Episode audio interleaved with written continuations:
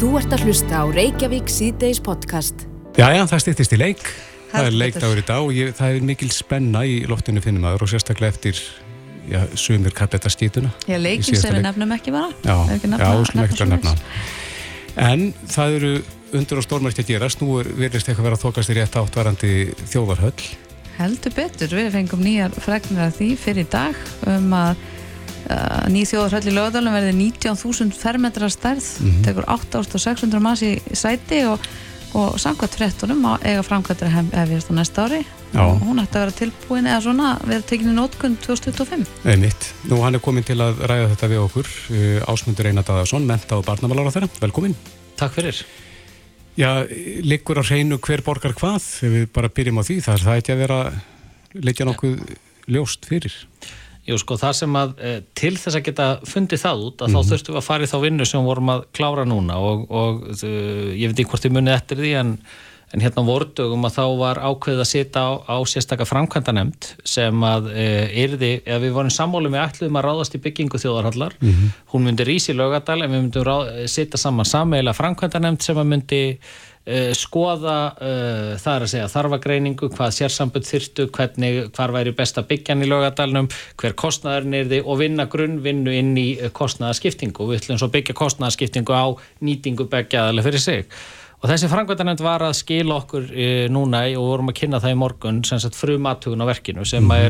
er skýsla upp á 20-30 blaðsíður og, uh, og hún var leitt af Gunnar Einarssoni fráfærandi bæjastöru í Garðabæ mm -hmm. og þar er í rauninni komin grunnurinn undir sagt, næsta skrefi það er að segja að, að hvernig mannverki við þurfum, hvað við ætlum að byggja uh, hvar það nákvæmlega verður. Líka kostnæðurinn áallega kostnæður með að allar forsendur.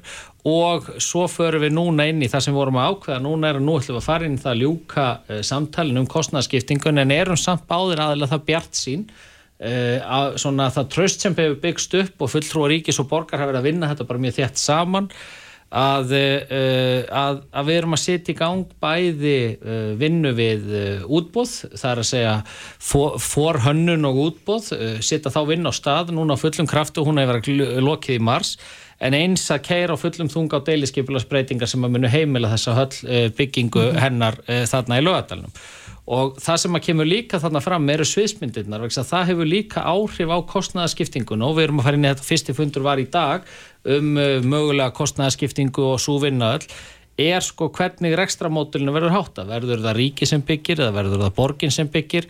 Eh, gerum við það í fjela í saminningu eh, getum við tengt inn í eh, síningarhöllina sem er rekur mannverkinir í lögadal sem er mjög, mjög spennandi sem hefur þá að sjálfsögða áhrif til rekstrar og hvað ríki og borg þurfa að leggja inn í verkefnið og, og nú ætlum við inn í þessa vinnakrafti og markmiðið er að, að þegar að uh, næsta áfangas uh, líkur uh, núni í mars að þá verðum við bú, komið ramvan af, mm. af þessu og þess vegna segir þetta er allt Þetta voru engin einhver stórtíðind í dag, heldur mm. erum við bara að segja, við erum bara að vinna þetta jamt og þétt og, og það er hérna, Þannig að enn eru við að vinna eftir svona því tímaplanni sem að uh, ég lagði fram og, og, og sagði að við vildum sjá sem svona planið að það væri hægt að eh, leika í þessari höll á orðin 2025. Mm -hmm. Það er enn að standast tímaplanið en það má ekkert klikka og við þurfum að halda, halda tempói.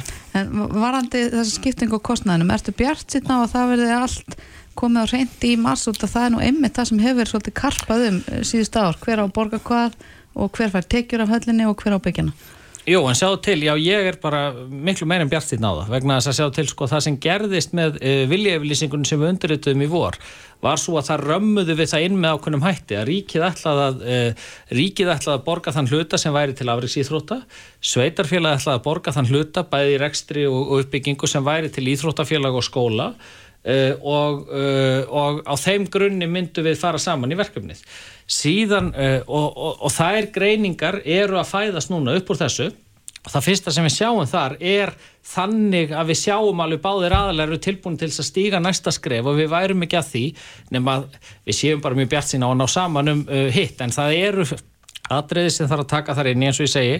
E, fá við síninguhöllin inn í það þá hefur það jákvæð áhrif bæði fyrir Ríkjóborg þá ætlar að klára með fastegna göld og fleiri aðrið og finnpúsa þessa nákvæmlega kostnaðin og það held ég að gerist núna bara á næstu mánuðum og ég, við værum ekki, það væri ekki allir aðilar saman að, að, að stíga þennan fasa núna nema því að við erum fann að sjá aðeins inn í vinnun og það sem er að gerast líka sem gerist nú oft með samtali aðila á milli að það skapast tröst, það skapast skilningur og stöðubækja aðila og það er, það er það sem gerist líka. Og svo segir nú líka að, að ég held nú bara að það séu uh, það sé fátt í íslensku samfélagi sem saminar þjóðina meira heldur en einmitt íþróttastarf. Uh, og við sjáum það að að, að, að, að afreiks íþrótti hvort sem er handbóltin eða körubóltin eða hvaða íþróttagrein sem það er það er fátt sem saminar þjóðina meira heldur en nákvæmlega þessi atriði. Og menn vita að aðbúnaður og aðstafa er algjörlega grundvöldur þess að ná árangri. Þannig að já, ég, ég er mjög ekki bara bjart sín, ég held að ég bara raunsar á að við séum bara vinna eftir þeirra áallin sem við lögum upp og, og þetta gerist eitt skrif í einu. En hvað er gert ráð fyrir að, eða hvaða íþróttir mun að eiga heima þarna?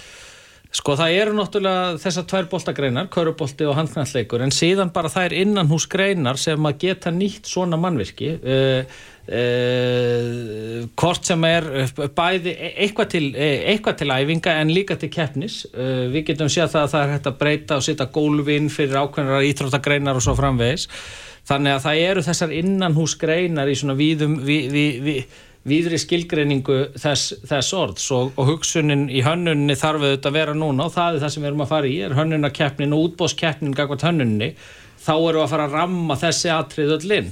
Og inn í þessari vinnu er að, að uh, sá hópur sem er halda utanum þetta, við erum búin að búa til stórt ráðgjafaráð sem að í eru öll þessi sér, sérsambund uh, sem að uh, mögulega hafa hagsmun að gæta þarna.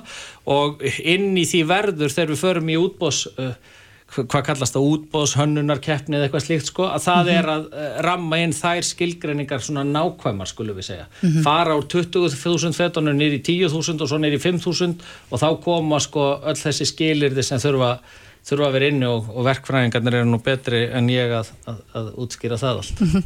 En bara svo ég segði hreint út á bráminu svolítið lasa fréttir varandi að framkvæmdrætt að hefjast á næsta ári og höllin tilbúin til nótkunar árið 2025 við erum búin að vera þrætum þessu höll núna í hvað 40 ár næstu eða cirka bát? Já, já, og þetta er, ég menna Er þetta raunhæft?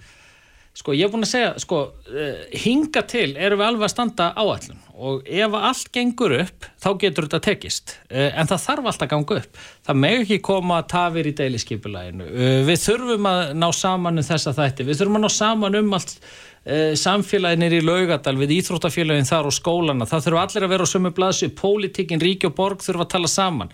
Og ég segi nú bara já, ég held að þetta sé raunhæft en nú, það er nú, samt þannig að það má ekkert mikið klikka. Og þá munir þetta auðvitað uh, dragast en ég er að reyna að halda þannig tempói á málinu mm -hmm. að það sé raunhæft og ég finna framkvæmda nefndin og formaður hennar Gunnar Einarsson fráfændi bæjastur í, í Garðabæ er á sömu blaðsíðu. Uh, við erum komið verkfræðinga í vinnu inn í ráðanetti til þess aðstofa okkur við þetta sem að Ríkjó Borg er að greiða sammeila þannig að við erum, við erum raunverulega sko þetta er ekki bara skýslur og pappir á bladi, heldur eru við raunverulega með verkfræðinga í vinnu sem eru vanir að vinna í stó, stórum mannvirkjum eins og þessum. og En ásmöndi, það er, er nýbúið og ofinbæra mjög slæma stöðu Reykjavíkuborgar til dæmis. Jú, en, en Þinn flokksfélagi er verðandi borgarstjóri þar. Jú, en, en þegar að þú, uh, það er engu að síður borgin uh, með fráteki fjármagn til þess að fara í ákveðna framkvæmdir í lögatal og, og þetta er verkefni til langstíma við erum með ákveðna kostnæðagreiningu þarna á bakvið og þá blasir líka við að borgin er samt sem áður að fara á stað í þetta samtal núna að setja útbóðuð á stað og það vita allir að tveir mánuður eru bara handað með hotnið þannig að menn væru ekki að fara á stað í þetta korki ríkjóborg og ekki í við sem ríki nýjaf borgin nema menn segi, heyrðu þetta er að fara að klárast. Við erum stödd þar að, að við ætlum okkur að gera þetta og þetta er verkefni til áratuga Uh, og það er þannig að það eru allir meðvitaður með sporgastjóri tala mjög skýrt uh, núna í morgun uh, eins fórsetisráð þeirra og allir mm -hmm. þeirra aðila sem að, sem að þessu koma að, að, að þetta er ekki eitthvað sem við erum að taka rekstur í dagsins í dag sko. en, en þessi ákvörðun liðkar þetta eitthvað til varandi til dæmis handbóltan og körubóltan að fá lengri undan þá að spila landstykki hérna á Íslandi? Já, það hefur verið, ég menna þegar við vorum að setja þetta á stað og vorum að setja hérna vorum að setja þessa framkvæmda nefnd á staði í voru, þá vorum við með bara uh, uh, bæði handbóltan og eins körfuknallingin bara inn á gólfi hjá okkur í ráðanitinu sem voru að segja, heyrðu við erum bara á síðasta sjans með að missa landsleikin okkur á landi. Mm -hmm. Ekki vegna lögatasallarinnar uh, að hún hafi verið uh, lömuð eins og hún var um tíma vegna lekavandamála, heldur bara vegna þess að þær kröfur sem verður þeirra að setja gera það verkum að þeir gefa okkur ekki undan þá nefna við förum að sína svona við séum eitthvað að hreyfa okkur þannig að já, ég held nú að menn séu sko, þessar undan þá er lifi á meðan að við erum að kera þetta á þessum hraða alveg tímalalust, sko, ég hef ekki fundið annað og, og fórustu fólk KKÍ og, og Körgnallissambands og Handgnallissambands Íslands hafa báðir í rauninni staðfest það, sko. Já, finnst þér ekki freka dapurt þá að horfa á að hugsa til þess að landslið okkar hegi löglega kemnsverð? Jú, þess vegna erum við að reyna að hrjá okkur hratt mm -hmm. og þess vegna erum við að setja þennan þrýsting á okkur sjálf vegna þess að, hérna, eins og ég sagði áðan, ég held að það sé fátt sem samin í íslenska þjóð meira ef fráiðtalið áramótasköpið heldur en afriksýþróttin og bara hvernig þeirra landsliðin okkar er að standa sig vel og að óglemdu þá því hvaða áhrif það hefur fyrir þá sem að yngri eru. Hver kannast ekki við það að, að hvort sem er að hafa verið sjálfur ungur og vilja mæta á leiki og gefa fæf hinn um leikmannunum og, og bylgjurnar sem koma í framhaldinu þegar að hvort sem er stelpu kvennalandsliðin okkar eða kallalandsliðin er að standa sig vel. Allt er þetta hluti af Uh, hluti af þessari keði og þessari miklu þáttöku barna og ungmenna íþróttum og sem meira er að þetta er auðvitað þannig líka að árangur í íþróttum er ekki tilviljun. Það er einna hverjum þúsund sem er fyrir, það er einn tryggvi hlinni svona hverjum þúsund sem bara byrjar að spila körubólta 17 ára og er bara að spila í besta liði hérna, bestu liðu með Evrópu uh, nokkrum ára senna.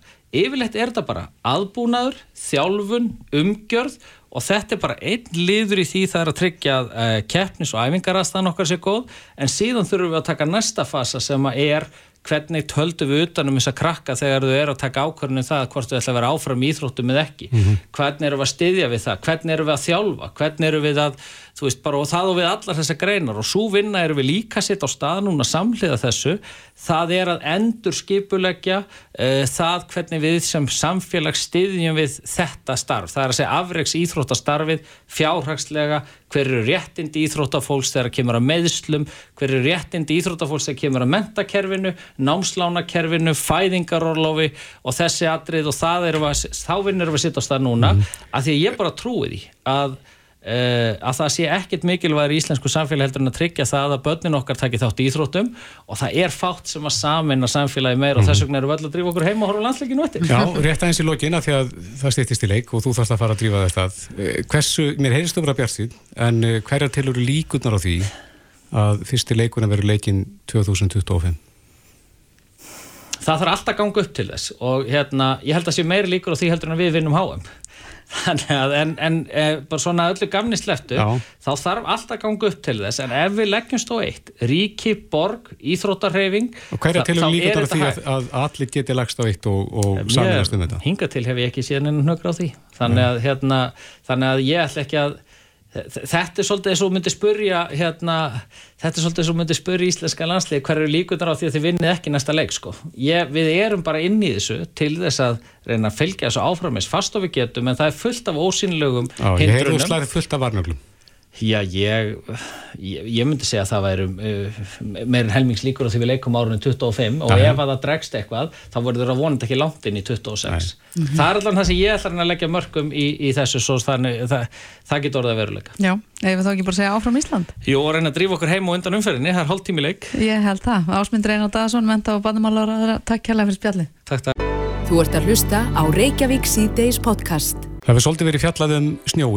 Að snjóin mm -hmm. og þessa leið sveitafélagana að, að e, losa gödurnar, losa íbúana við snjó af gödum sem stærfi þetta kærið í burtu. Já, ég allavega flesta mótna hafa verið einhverju trukkar í Kóboi, það sem Já, ég bý, einmitt. að skópla upp snjó. Já, og þeir eru kærðir... Ja, út í sjó bara, beint út á höfn beint út í höfn. Já, mér skilst það. Já, í mínu sveitafélagi, þar er, er bannað að setja, í Árborg er bannað að setja snjóin í ána. Já, er það ekki líka þannig í Reykjavík? Ég held að sé þannig í Reykjavík en við erum komin í samband við þannig svöfu Svamborgu Steinastóttur heilbyrjusfulltrúa hjá heilbyrjus eftir liti Reykjavíkuborgar. Kom til sæl. Góðan daginn. Já, er það ekki rétt? Er ekki bannað að að losa snjóin bæði ár og sjó í Reykjavík? Já, við hérna, sagt, reynum að koma í vekk fyrir að, hérna, að þetta sé största beint í sjóin á svona svæðum meðfram almennri strandlengju. Við reynum að meta hva, hvernig aðstæður eru fyrir hendi og hverjum stað fyrir sig. Mm -hmm. Við erum náttúrulega um að, að e, venda lífríkið þannig að, að það þarf náttúrulega að velja slíka lósunastæði með kostkefni. Í höfnunum er náttúrulega raskuð svæði, þar er mengun til staðar og náttúrulega kannski e, hvort sem er lítið sem ekkert lífríki eða undir miklu álægi þannig að, að það kannski hérna, hefur miklu minni umhverjus áhrif að vappa snjó í hafnis mm. -hmm. en náttúrulega vatnir og vatn og ár eru mjög viðkvæmt umhverfi. Og með því að största skindilega óhreinum snjó í miklu magni e, út í slikt umhverfi getur haft mjög e, neikvæðar afleðingar fyrir vistkerfið þar þó svo að það séu vissulega kannski tímandunna. Er það eitthvað sérstakt í snjónum sem hefur svona slæm áhrif? Já, nefnilega því sjáu bara fljótt eh, hvernig göttunan okkar verða. Þetta snjórin verður allir brútn og skítuður.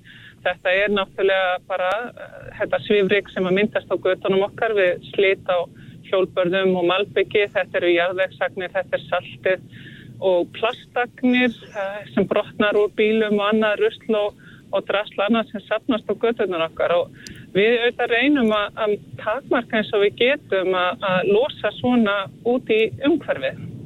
Já, e, er, er það sérstaklega, er það sérstaklega vötnin? E, þetta er þá í lægi að dempa þessi sjóin? Sko, e, sjórin má segja er náttúrulega er, síður viðkvamur sem viðtæki sérstaklega út af því við erum alltaf komið með allt annað rúmmál, við erum komið með allt aðra krafta sem virka þarna á, það er verið með flóð og fjöru, við erum með örfisi dreifingu á hérna, því sem að kemur inn í hérna, sagt, vatnið mm -hmm. á með að náttúrulega eh, ár og vötn þar erstu með allt öðruvísi aðstæður, sérstaklega í vötnunum þar sem kannski með hægan endur nýjan tíma vass, þá geta áhrif svona skindilegs atbyrðar eh, haft eh, bæði lengri eða viðtækari áhrif. En, en hvernig er það, var það ekki þannig eina tíð að það var nú kannski ekkert mikið verið að spá í þessum efnum og snjónum bara styrtað svona hér og þar. Er, er langt síðan að byrja já, að spá alvarlega í hvaða áhrif þetta hefur, til dæmis eins og við erum að ræða hérna í, í ám og, og sjónum? Já, ég, náttúrulega við erum alltaf að, að bæta þekkingu okkar á öllum sviðum og aft okkur betur á það því hvaða áhrif við erum að hafa á umhverfu okkar. Þannig að ég held að bara núna síðustu tveimur áratugum að þá hefur fólk svona vaknað til vitundar um það að, við getum gert ímislegt þess að lámarka umhverfisáhrif okkar þá sumt náttúrulega verði alltaf óhjákamilegt. Eh, við losum alltaf einhverja mengun með mannlegum erna, aðgerðum en að við getum erna, stundum bara með litlum tilkostnaðið eða fyrirhöfn dreyið heilmikið úr þeirri mengun sem við erum að að gefa frá okkur. Já, er, er þetta misjamt eftir sveitafélagum, veistu það? Eru þið eitthvað að bera sama bækur? Nei, ég held að nú að sé nú kannski mest fólk að reyna að leysa þetta bara hverjum stað fyrir sig en svo vorum við líka mun að við búum við mjög mismunandi aðstæður og, og, og það er svona eh, misauðvelt í rauninni að, að finna staði til þess að, að losa sig við hennar snjó. Hér á höfuborgarsvæðinu til dæmis hérna, þá eru mjög mismunandi aðstæður við strandlengina. Þú verður líka hugsa út í að það sé örugt fyrir vinnutæki og slíkt að koma að sjónum til þess að losa. Uh, Sumstar í höfnum er kannski bara ekkit æskilegt að fara að fá fjölda vörubíla inn á hafnarsvæði þar sem er verið að vinna. Uh, þetta fer svona, eins og segi, bara svolítið eftir staðháttum og hverjum stað fyrir sig, hverjar eru aðstæðnar, hvað er í bóði. Já, mm -hmm. einmitt. Já, það er eins og Lilja Katrin segir hér á þannig að maður hefur ekki heyrt mikið um þetta rætt hér áður fyrr og einhvern veginn var bara þessi viðtekna hugsun að lengi getur sjórin tekið við. Já, þetta er nú kannski einmitt eitthvað sem að, að, að hérna, var hér áður en, en til allra lukku að þá erum við hérna, margsvísar í dag og, og, og erum aðeins farin að hérna, gæta okkar í því hvað við erum að setja út í umhverfið. Ekkert náma gott um það að segja. Uh, takk kærlega fyrir spjallið Svafa Svanborg Steinastóttir, heilbreyðsfulltrúi hjá heilbreyðs eftirliti Reykjavíkuborgar og, og, og gangið vel. Takk fyrir. Þetta er Reykjavík C-Days podcast. Það brá mörgum í brún þegar að uh, það fréttist að uh, hækkun fastegnagjálda mm -hmm. fastegnaverð hefur hækkað töluvert að undarförnu mm -hmm og eins og margir vita að þá fylgja fastegna gjöldin uh, eh, áalluðu fastegna verði. Jú, en sveitafélagin hafa nú einhver leitt bröðist við þessara hækkun mm -hmm. og, og svona lámarkað skadan fyrir hinn almenna borgara. Einmitt. En það er spurning, er, er þetta eðlilegt að uh, fastegna gjöldin séu eh, ákverðuð með því hvað nágranni manns selur húsið sitt á uh, að fastegna matið ráðist að því Á línunni er Óli Björn Karlsson, þingflokksformaður sjálfstæðisflokksins og fyrirverandi formaður fjárlæðanemnda þingsins. Komdu sæl. Sæl, efnaðs og viðskiptarnemndar. Efnaðs og viðskiptarnemndar, þannig höfum það rétt. Það er miklu skemmtilegur og betri nefnfeldur en fjárlæðanemndar. Já, hefur aldrei verið formaður fjárlæðanemndar? Nei. Það hlýtur að koma því. Efnaðs og viðskiptarnemnd fer með tekju við hérna ríkisins og það er miklu skemmtilegra viðfónsefni hérna og hvað þarf það að koma á reynd? Ég þykist nú vita að þú hafið skoðun á þessu. Er þetta eðlileg leið til þess að, að ákveða hver fastegnagjöldin eiga að vera? E, að liða því fastegna mat? Það er að segja stuttasvarið er nei. Það er ekki sangkjám að gjöld, að skattlagning Eh, einstaklinga eða fyrirtækja, með ekki gleyma því að þetta líka snýst um atvinnuhúsnaði mm -hmm. uh, uh, taki mið af uh, breytingum á markasverðmæti fastegna en ekki til dæmis breytingum og tekjum viðkomandi fyrirtækis eða viðkomandi einstaklings. Það verður ekkert gerst í lífi hérna, fyrirtækisins eða einstaklingsins sem að gera það verkum að hann er til dæmis uh, tíngri eða dýrari fyrir viðkvæmdi sveitafélag þegar það kemur á þjónustu uh, varðandi hérna uh, pastegnin og svo framvegs og samingið á milli til dæmis tekna og hérna álögu ofinbæra álagna rótnar og það mm. er óheilbrygt nú er hérna nú geta menn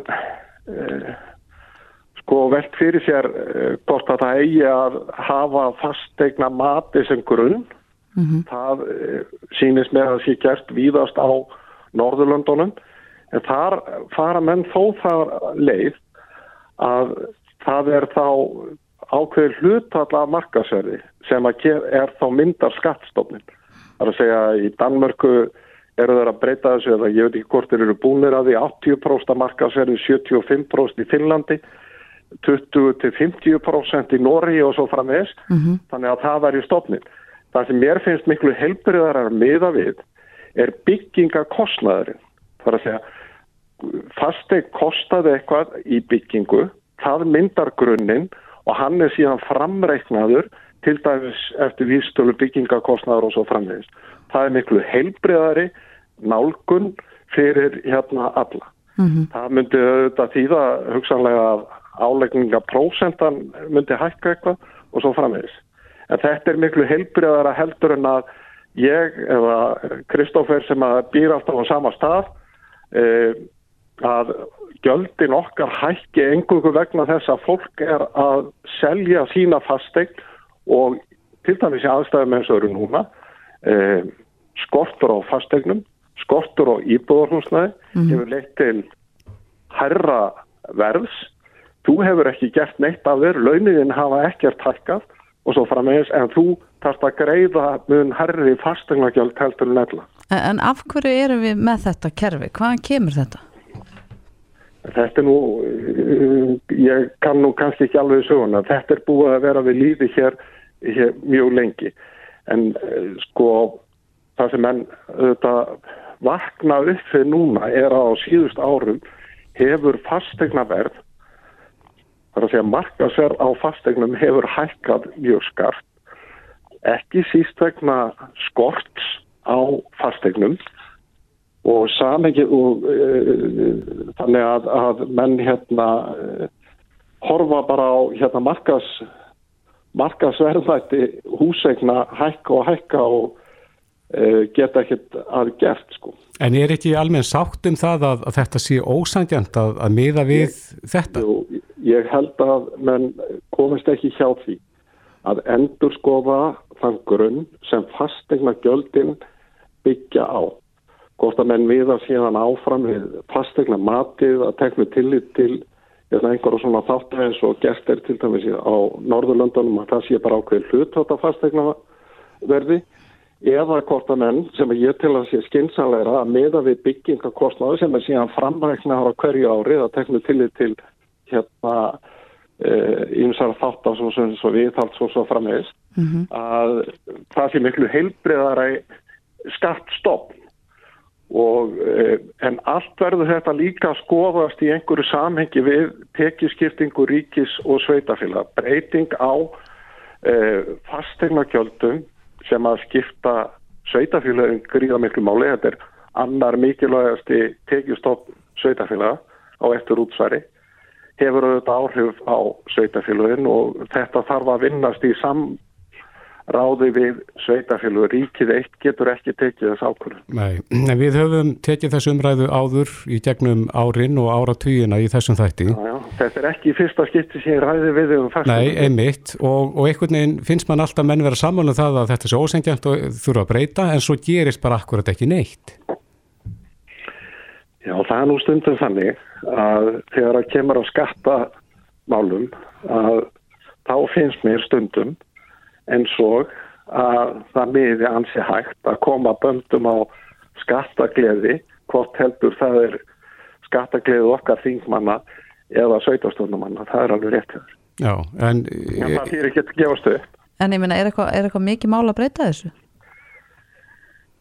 Nei, ég menna að það er auðvitað, þetta er eins og ég er að reyna að benda á að þetta er auðvitað líka spurningin um tekiskiptingum villi ríkis og sveitafélag. Við erum auðvitað að tala um gríðarlega mikilvægan uh, tekjustótt fyrir sveitafélagin og það er og verður að vera þannig að breytingar á fastingagjöldum Eh, verður að gera í samráði og sátt við sveitafélagin. Það skiptir verulega miklu máli. Já, hvað, hvað stendur helst í veginu fyrir því að þessu sé breytt svona í, í sangjarnar átt? Ég held að það sé engin almenn anstafa við það annað heldur en að menn hafa vilja taka þessa umræðu í, í starra samengi en það er umræðu sem að ég ætla ekki að fara út í núna.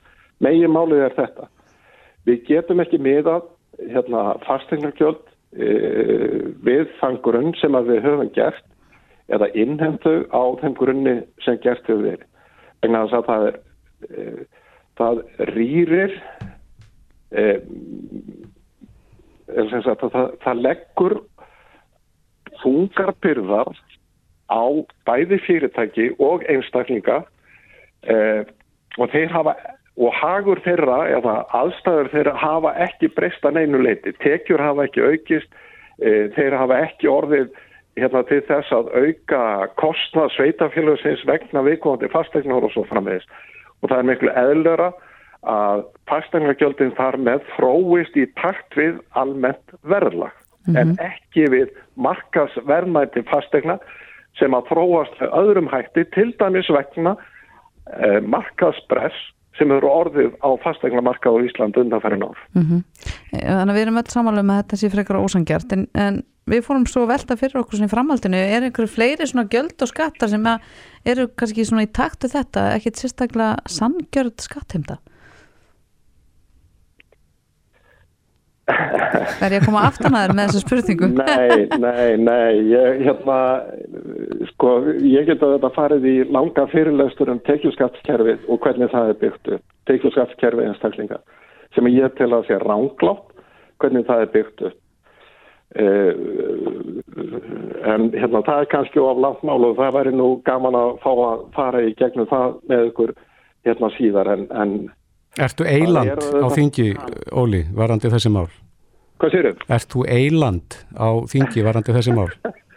Nei, það held ég ekki. Ég held að almennt, ef við tölum um fastegnagjöldin að þá held ég að menn áttu sig á almennt á því að þetta gengur ekki lengur eins og verið hefur. Ég held að það sé ekki móstaða við breytingar á því. Ágreiningum getur verið eins og um hvaða útvarslu best er að fara. Þegar það kemur að tekniskattskerfi einstaklinga e, þá eru fleiri og fleiri átt að segja á því að tekjaskattskerfi einstaklinga er ekki sangjant og eh, stighækkandi tekjaskattur með persónuafslætti eins og hann er byggður upp er ekki, nær ekki markmiðum sínum og það verið skinsanlegar að vera með flata skattprósentu og stiglækkandi persónuafslátt eftir tekjum þannig að persónuafslátt myndi falla að fullu út við ákveðna tekjur. Ég er búin að tala fyrir þessu í líklega tíu ár Já. og hef meira segja hljómgrunn með nokkur á fórustumanna verkefliðsferðingarinn í þeim ennum. Jáhá. En e, varðandi fastengugjöldin áttu vona því að það verði ykkur reyning á þessu og þetta verði rætt á þingi, komandi þingi? E, þá er þetta að tala um núna fyrir vorið. Já. Ég held að menn hljóti að turfa að áarpa þetta til dæmis inn í e, fjármálahállum e, þó að það komi ekki með beinum hætti en Það er líka vinna í gangi varðandi eða samtalmiðli ríkis og sveitafélagana varðandi verkaskiptingu og tekjuskiptingu ríkis og sveitafélag og þetta er eitt stórið þátturinn í því. Já, það verður frólægt að sjá hvort að þetta þokist eitthvað hjá ykkur. Þið verður bara að halda áfram að íta á okkur. Já, við komum til með að gera það. Heyrim í ykkur aftur. En Óli Björn Kárásson, þingflokksformaður sjálfstæðisflokksins og fyrirvændi formaður efnags- og viðstíðanemnda þingsins. Takk fyrir þetta. Takk kjærlega. Þetta er Reykjavík C-Days podcast. Það eru margir sem eru núna að reyna að efna áramátaheitin mörg. Já og eins og við svo sem höfum farið yfir að þá eru vinsarastu áramátaheitin eitthvað tengt heilsu og mataræði mm -hmm. og svo leiðis. Já, já, bæta mataræðið oft á tíðin, borða hóllar. Uh, og svo við heyrst af því hérna í kringum okkur að að það Facebook hjá fólki er að fyllast af allskyns auðlýsingum til dæmis um Savakúra Já, þeir eru eiginlega út um allt og upp um allt þessar dagana, sérstaklega samfélagsmiðlunum. Einhver svona hreinsun sem maður ætti að fara í eftir allt átið. Er þetta gott? Já, það er góð spurning, við erum með Elisabeth Reynistóttur, næringafræðinga á línunni. Góðan að blessa hann daginn. Komið, sæl. Þetta er stór spurning, eru Savakúra góðir? Uh, já eða nei? Já Mér, ég, sko, ég ætla alls ekki að segja já við þessu, ég, það er bara já við ykkur. Nei, ég tel þessi ekki neitt sérlega góðir, en auðvitað í einhverju skinnsemi þá eru þeir allt í lægi. Þetta er orðið alveg rosalega mikil tískubylgja mm -hmm. og mjög varasam, finnst mér. Hvað er varasamt við þessa kúra? Menna, þú ert að taka inn alls konar, til dæmis hérna sumi kúra sem eru fullir með ávöxtum eða, þetta er ekkit gott fyrir okkur að þjappa ávöxtum í eitt drikk og, og taka þeim þannig. Þetta er til dæmis ekki gott fyrir lifurina, þetta er ekki gott fyrir blóðsökurinn mm. Og svo er líka annað að ef að við viljum hreins okkur uh, eftir, eftir uh, svona hátíðir, þá bara mingu við skamtan og verðum og fáum okkur hreint fæði, eða borðum hreint fæði. Já, ef við förum aðeins í fljótetum yfir hvernig þessi savakúrar virka, er það verið að tala um að fasta og drekka ekkert nefn að þá ávast að safa? Já, Ég, til dæmis, ég er mjög hrifun á fastum en þá segir fastið þá bara með vatni því að þá erum við að fasta rétt ef þú ert að fasta með savakúr þá ertu bæði að ítundi blóðsökurinn sem gerir uh, bara í rauninni ork, orklega síðan er þetta bara erfiðara því að ítir upp orkunni og svo rapar það niður. Mm -hmm. þannig að þú þarfst að vera að drekka eitthvað safa á tveikitíma fresti. Þannig að auðvitað er þetta betur fyrir þann sem er að selja savakúri Mm -hmm. en, en, það vera svona markas uh, triks að þá er þetta að drekka tveikitíma fresti en það, þá ertu raunin ekki að fasta. Nei, en, en þú talar einmitt um mikið álaga á livrina það getur nú ekki verið gott ef maður, ef maður til dæmis um, er á savakúra eins og í mánuði. Nei, það er sko málið það ef við erum á ástum sem við erum að þjappa í svona drikki þá erum við að fá ómikið magna ávasta sigri og ávasta sigurinn frúktósi í gegnum lifurina, lifurinn það þarf að fara gegnum lifurina til að við reynsum og ómikið eh, frúktósi er ekki góðið fyrir lifurina, það getur mynda fyrirlifur mm -hmm. þannig að þetta er að það er allt þetta ójabægi eins og til dæmis með búst, savakúra og annað, það er óholt fyrir líkamann er þetta það bara er ekki eðlislegt að borða matinn svona að taka hann svona inn er þetta þá bara eins og hver annar meðrungur? Já, ég vil meina það en fasta per se, bara ef þú myndir fasta byrja á fasta fram að háti, bara með vatn það, ég mæli alveg með því mm. Hvernig, ef þú leiðbynir fólk eins með það, hvernig getur svoleiðis fasta litið út og hversu lengi? Ég ég myndi alltaf ráðleika fólki bara fara varlega. Ef það byrja, ef það borða kvöldmatt og það langar að prófa svona hérna föstu í 16 klukktíma ég segi alltaf byrja á 12 byrja, færi svo í 13 tíma 14 og ef þið þóli 16 það er það bara gott. Þannig að 12 tíma kúr væri þá bara að borða kvöldmattin og síðan uh, morgumatt daginn eftir Já og svo færi þetta færa til í 13 tíma svo 14 og finna bara hvernig ykkur líður á því að fasta bara með vatni alveg upp í 16 klukkutíma. En það er rosalega brætt að hugsa bara, ó, vá, ég borðaði rosalega óvælt núnum helgin og nú ætlum ég bara að byrja að fasta fram að háti. Við verðum að hafa skinnsemi og hugsa um blóðsíkurinn og hvernig við erum stemt til að byrja að fasta. En varðandi að fasta í lengri tíma en 16 tíma, segjum bara 24, jáfnvel 48 eða lengur? Já, það Ma er allt í lagi. Ef, þú, ef maður er vel undir búin, þá bara 48 klukkutíma fasta er bara ágætt annars lagið ég myndi miklu frekar ráleika þá bara góða vassfestu heldur en safafestu mm -hmm. Ámaður ekki að, að ámaður það bara að drekka vatn með svoleiðis og svo langri föstu? Já. Ekkert kaffi ég, ég, ætla nú bara, bara að fá að skrifta hérna í þessu viðtali, ég fasta stundum en það er alltaf eitt kaffibotli sem lögumast inn. Þannig að auðvitað áma bara hafa þetta eins og maður kýr sjálfur og hvernig maður líður best með. Og ef ykkur telur sig það var rosalega gott að ykkur safa fyrstum þá bara og markprófa og ég fæ alltaf ykkur svona aðtöðasendur eða ég er búin að tjá mig með þetta er bara ég, bara mér líður svo vel þá bara, ok, þá bara gerur það en ég mæli ekki með þessu Nei En, en það er mín skoð. En svona með það við þína mentun, er eitthvað í gangi núna sem að þú ert að verða vör við, sem að þú bara varar stórlega við? Sko, það er náttúrulega bara, mér finnst sko mjög undarlegt hvað er mikið alls konar drikkjum, alls konar vítaminum og bætiöfnum og það sem ég tek eftir þegar setja, senda, setja fólki blóðpröfur, að það er svona ójabægi í vítaminbúskapnum hjá fólki. Það er bara rosalega hátt í sumu, það skortur í öðru, þannig veist þetta er eitthvað svona, þetta, ef við borðum bara matinn, borðum bara góða næringu, þá jafnast svona vítaminbúskapinu rétt út, en hann gerir það ekki með Eh, alls konar drikkjum og, og hérna við sem að fá vítaminin í ykkurum söfu mm. Erum við of gynkeift fyrir markaðsbrellum? Já, en það, vitið það það er líka bara alveg rosalega mikil og auðvelt aðgengja okkur eftir samfélagsmiðlarnir auðvelt auðlýsingar hérna markaður hann er að fólk er bara komað til mér með fulla pókastundum af vítaminum og alls konar bara kipta þetta að því eitthvað að þetta væri svo frábært á samfélagsmiðlu. Já, ert að segja að við getum fengið öll þessi vítamin bara í gegnum uh, fæðuna? Að megnur til, eigum við að geta það? Og ef við getum það ekki, þá þurfum við að hlusta líka mann ef hann er ykkur í rangfæstu, þá þurfum við líka að gera þetta rétt. Veist, ég vil alltaf meina að við verðum að nota skinnsemi getum ekki bara fara til búið og kipt fyrir að halda bóka af okkur bætefni því þá erum við jafnvel að setja bara áláð á kerfi mm -hmm. alveg svo við setjum áláð á kerfi að drekka ómikla að hérna áastasafa að þá getum við líka setja áláð á kerfi við að taka ómikið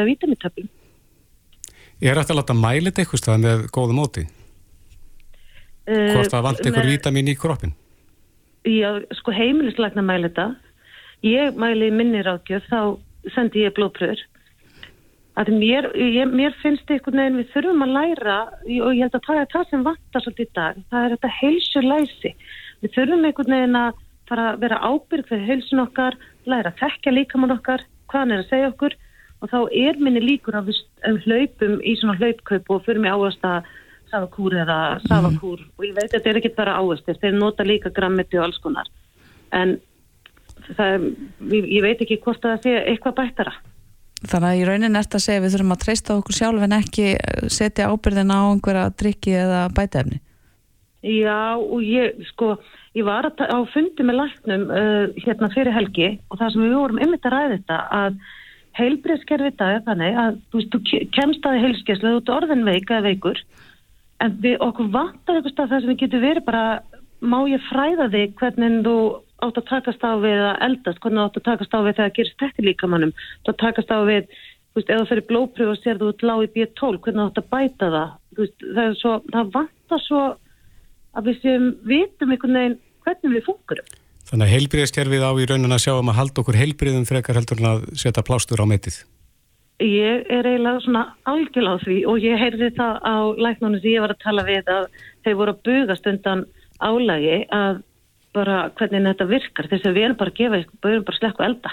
Staðan fyrir að fólk hefur komið fyrir og fengið bara goða fræðslu, bara hvað getur gert til að eldast vel og læra bara að lifa góðum lífsbyrði mm -hmm. hreyfa sig, bara að hugsa vel um sig byrja þar og svo er þetta líka þetta andlega bara að hugsa vel um sig félagslega. Er ég félagslega tengt og við erum að fá líka inn mikið af fólki eftir COVID sem er bara félagslega einangra Já, einmitt. En það er nú einmitt svona eitt af þessum stórum málum sem við höfum kannski ekki beint tekist á við. Já, svolítið. Við bara einhvern veginn lífið, lífið bara gerðist eftir COVID og allir bara fóru að taka tásmyndir á tenni. En svo, svo, svo verðum við einhvern veginn að landa og við verðum einhvern veginn að hugsa um okkur. Hvernig viljum við hafa lífið okkur, hvernig getum við verið hafmyggsum. Ég held við erum alltaf að reyna hlaupa að einhverju marki og þá hlaupum við í safakúra, hlaupum af okkur þú veist, einhverja kúra. Og ég held að það það sé ekki vanlega til árangus. Árangurinn er ef við bara stöldur við og tökum ábyrð og finnum hvað hendar, hvað er, hvað er líkastrækt hendar eða hvað er reyfing hendar hvernig get ég breytt matræðinu þannig ég læra því að hvernig ég vil hafa þetta. Einmitt. Er ég á flókinu? Nei, en þetta er bara fín loka orð hjá þér. Eh, Beta Reynis, næringafræðingur Kæra þakki fyrir þetta og svona ef við streikum undir að þá varar við ávaksta kúrum. Já, ég allavega er ekki hrifin að og ég held að frekar þá ef að fólk vil taka svona hreinsun þá getur það tekið vassföstu og þá frekar bara borðað águsti og græmi ditta til að auka aðeins áhrifanu á föstunni. Takk fyrir þetta Beta. Takk fyrir mig. Bleið. Reykjavík síðdeis á Bilginni podcast. Við heyrðum í fréttum hér áðan að rafmagnu komið á á Reykjanesi Við vitum ekki betur en að það haldi og það fylgdi fréttinni að eh, heitavastlöst var, var líka á svæðinu. Já. En á línunni er Njáltrösti Fribertsson, uh, þingmaður og meðlemur í, eða nefndamaður í umhverjus og samgöngunemnd, kom til sæl. Já, sælverði.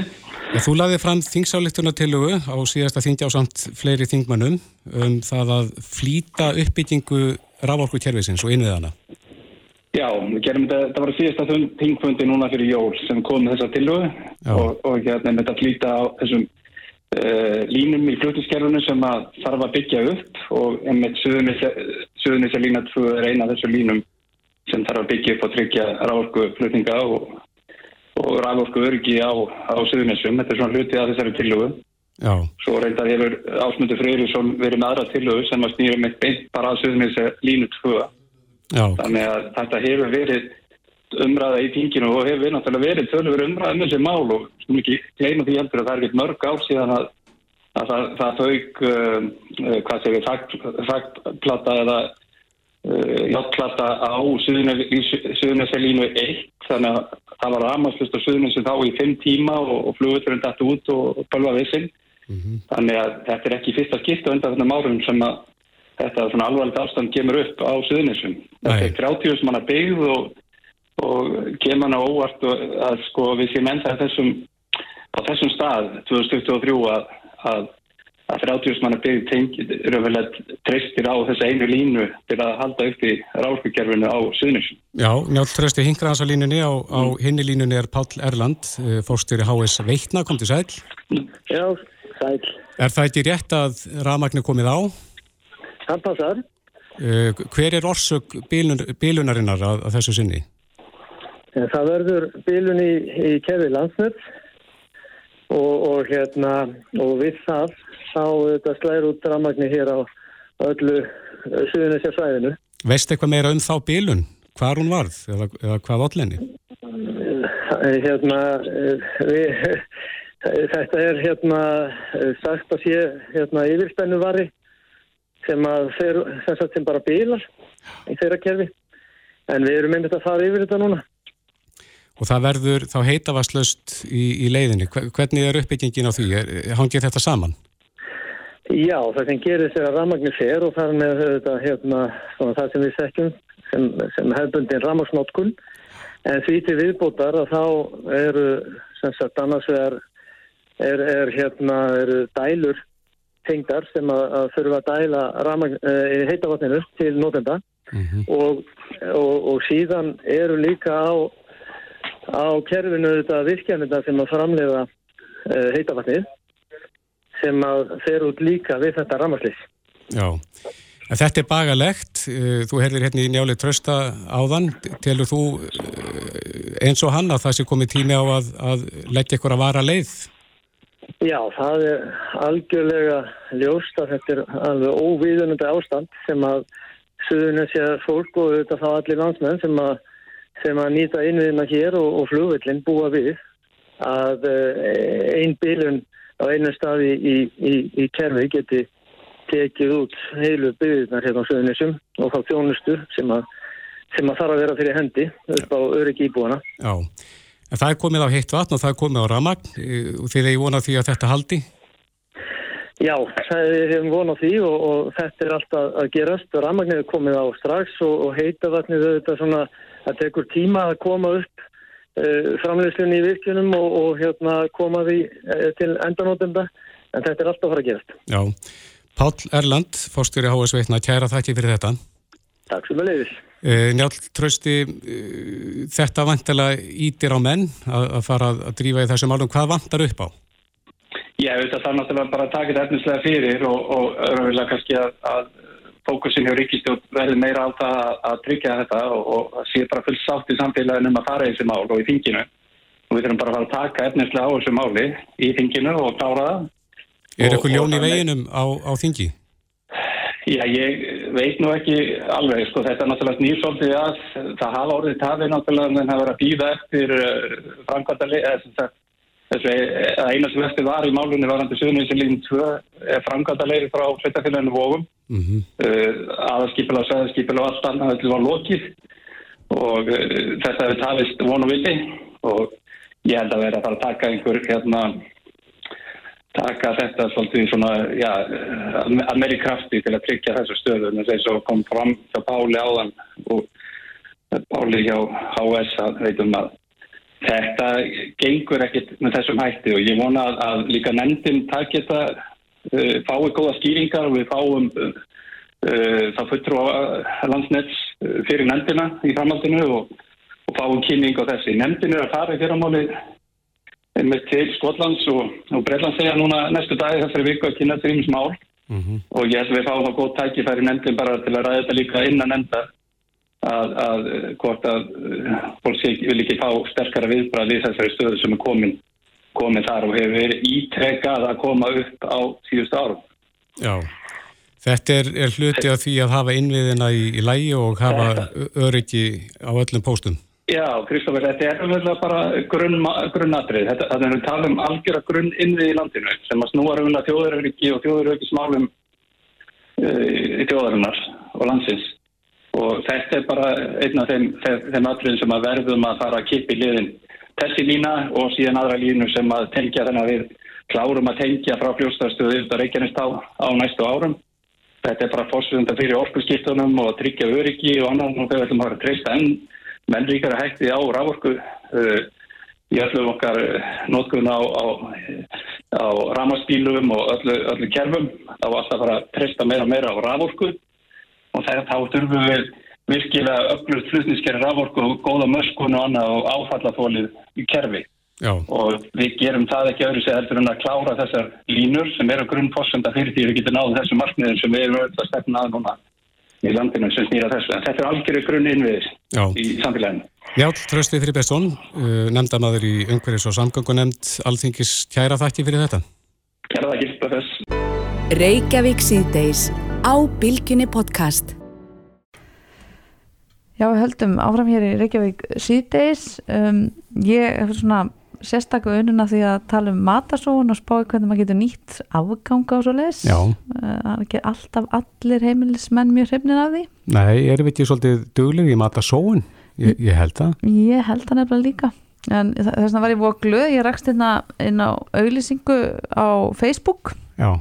um námskeið í hústjórnaskólanum í Reykjavík mm -hmm. sem, það er sérst maturslu námskeið sem heitir einfallega matur og lofslagsbreytingar mjög spennandi og það er Dóra Sváastóttir maturslu mistari sem heldur þessi námskeið og hún er á línni, góðan og blessaðan daginn Dóra Já, góðan og blessaðan daginn Þetta er svolítið stór titill matur og lofslagsbreytingar Já, þetta er, þetta er ekkit lítið málefni sem við erum að skamta á diskin okkar á hverju meinasta degi. Það er nú bara þannig. Er þetta að fara að kenna en, fólki að nýta afgangabetur? Já, meðal annars.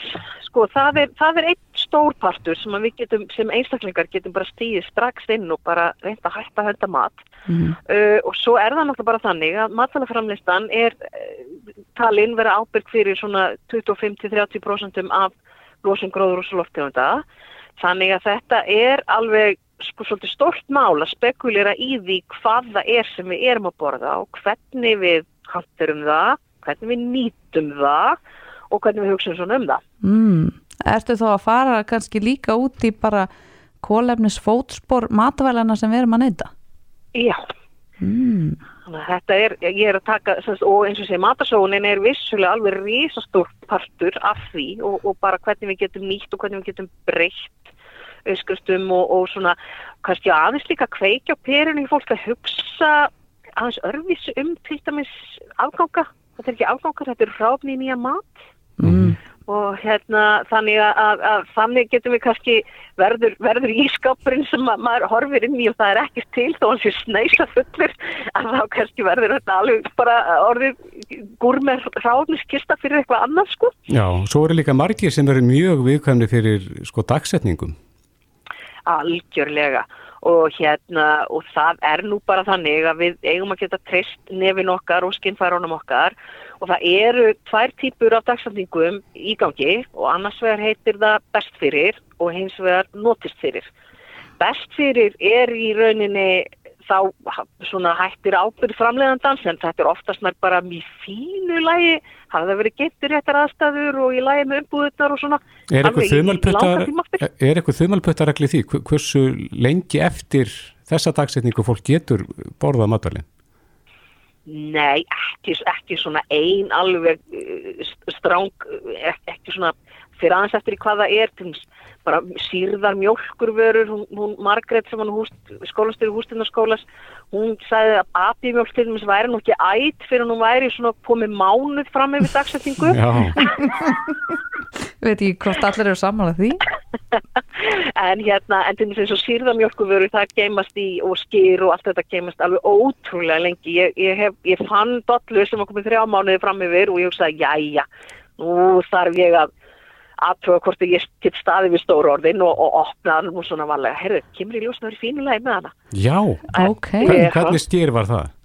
Herru, þetta var bara svona íseg jarðabæri að skýra ekkert bara. Það hefði bara verið innst í ískapnum og alltaf í kæli og ekkert mál, sko. En því en til þess að ferska mjölku veru það nú kannski ekki nema kannski vika, fer líka aðeins eftir ískapnum, er hann, hversu kaldur er hann, er mikil umkringni og allt þetta. Mm -hmm. Síðan finnst þess að þurfuru, pasta, eh, hérna, bönir, talum ekki um niðursöfuru, ef það er í lægi með umbúðirnar og það kemur ekki raki í þetta, þá er þetta umsabil endalust.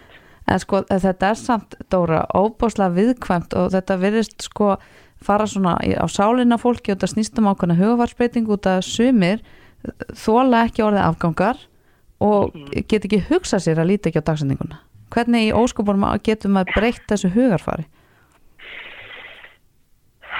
Sko ég held að þá fyrir maður, það, það er tveit sem hægt er að, að, að tekka inn í. Það er annars vegar sko bara buttan, bara peningarnir. Það er ógæðislega dýrst að leifa ruslafutunni að vera nesla frekasti aðilinn í, á heimilinu.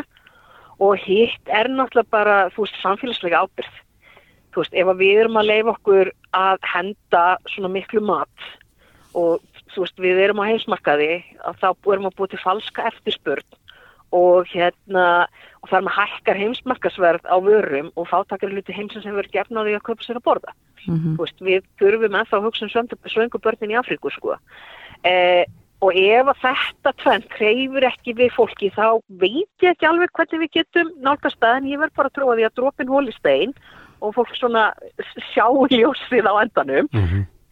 Er ekki bara málið að skora fólk að gera tilrunni með þetta eins og þú gerðir með stýrdolluna sem var komið þrjá mánuði fram yfir, mér finnst þetta ótrúlegt. Að bara prófa ég, þetta? Já, ég meina allavega þú veist, ok, ma, ég, ég, ég fór yfir vaskinn og opnaði þetta þar og svona var með út yfir hendur svona eftir ég kynna að þetta væri eitthvað komið. Það myndi hlaupa? en, Já, nákvæmlega, maður var búin að gera svona ákveðnar grunn, grunn hérna, varuðaraðstafnir Já, já, og líka bara, þú veist, þetta er náttúrulega allt íkt dæmi, en, en bara uh, vera meðvitaður og líka svolítið að hvert og eitt heimili skoði svolítið hvað er það sem við erum að henda. Mm -hmm. En þú segir þú þetta er íkt dæmi, en þetta er samt svo gott dæmi. Já, já. Þetta segir þetta svo mikið. Já, það gerir það nefnilega. Og þess vegna er nú gaman að segja frá því að til og með eins og dagsendingarna er hjá MS að þeir stendur best fyrir en oft betra lengur það stendur orðið á mjölkuferðunum okkar. Já, ég tók þetta því um daginn einmitt. Þannig að hérna, og, og þetta er því að sko... Uh, er það, fyrir. Dóra, er það kannski mesta breytingi sem við höfum séð undanfarn ár, varandi þennan málaflokk, er að fyrirtækir er farin að taka ábyrðina til sín? Já, það er sko, já, ég er búin að vera svona viðlóðandi þess að matasóna dæmi núna hvað í nýju nýju ár og hérna Uh, það byrjaði að því að fólk skellti, ég var bara að fara að láta það bara það rusl, sko. Núna eru flesti fattar að gera sér grein fyrir að þetta er vandamál og þetta er á rísastórum skala og kostar óbúslega mikið. Eifni mælanlegi munurinn á rannsóknum hinga til hefur verið hjá guðum. Við meit að þeir hafa tekið til sín, það er verið að selja á afsláttum og, og allt þetta. Og þá þurfum við líka náttúrulega sem neytendur að vera tilbúin að taka þátt í þeirri keðju til þess að það gangi. Og svo er það náttúrulega, þú veist, eru bara lagabreitingar, það er hérna, það verður mjög frólægt að segja, það. Er til og með svo bannað að urða lífrannan úrgang, þannig að hvað, að, hvað gerist núna þessu ári, það verður frólægt að segja, hvernig. En ef að mannkynni tekur sig á í þessu, þá þýðir það vantarlega minni auður og minni hagnað fyrir þessi matar framlegslu fyrirtæki? Blessaði hafvaksturinn. Uh, sko Já og nei, þetta er náttúrulega bara rosalega mörg tækifæri í nýsköpun, fullnýtingu, afurða, þetta er allstæður í virðiskeiðin, þetta er ekkit bara, veist, við erum slæm á endanum heima hjá okkur, reynda því miður, eila verst, en, en þetta er líka í framlýsluferðlanum allt þetta, þannig að, að skinsum fyrirtæki taka þátt í þessari vekkferð og verða hluta lausninni, mm -hmm. en er ekki bara horfa í það að, að reyna selja endilega meira, því að okkur við erum að fjölga á heimsinsu, Uh, það þarf einhvern veginn að búa til mat fyrir allt þetta fólk og við erum að horfa á það bara, þú veist það eru uppskerubrjastir víða einhver staðir á nettinum okkur í einasta ári og hefur vestnaf undan farin ár mm -hmm. út af þurkum og, og skóareldum og, og, og bara, já, allir mögulegu. -hmm. Þannig ég held bara hreinlega að við höfum ekkert valmett mikið lengur að, að, að taka ekki ábyrga ástöðu. Mm, þetta er stórt mál, þú ert með, uh, eins og að þú segir, námskeið á núna á miðugundaginn og svo mándaginn 30. janúar í hússtjórnarskólanum í Reykjavík. Um, þetta er stort málefni og kannski summi vera svolítið kvumsa en verður þetta ekki líka svolítið skemmtilegt? Þarf þetta ekki að vera skemmtilegt líka? Jú, það er nefnilega kostur við að vera að tala um mat, það er nefnilega hægt að gera það sko vera að tala um há alvarleg málefni á góðan og bráðgóðan skemmtilega máta og það er bara fátt skemmtilegra heldur en að, að elda með góðu fólki því að við ætlum bæði tökum við þetta svona málefni fyrir og svo bara eldum við saman. Lofslagsvæna rétti. Svona út frá flexiterian mataræði sem er mikið til græmitisræði en við svona kryttum með kjött og fisk og, og, og, og mjölkuvöru og hérna og það er sem sagt þetta skrásing bara í tölvupústi á Dóra at Kulína og kíkin á þetta Facebook á kulína.is Æðislegt. Já, við mælum með þessu. Dóra Sáastóttir, mataræslu mestari Takk helga fyrir spjallið og góða skemmtun. Herri, takk fyrir það. Bless bless, bless. Já, og þá er ekkert annað eftir en að hverja. Lilja Katrín Bræi og Kristófi þakka fyrir sig. Við verðum hér aftur á ferðinni klukkan fjögur á morgun. Þanga til, góða stundir. Hlustaðu hvena sem er á Reykjavík C-Days podcast.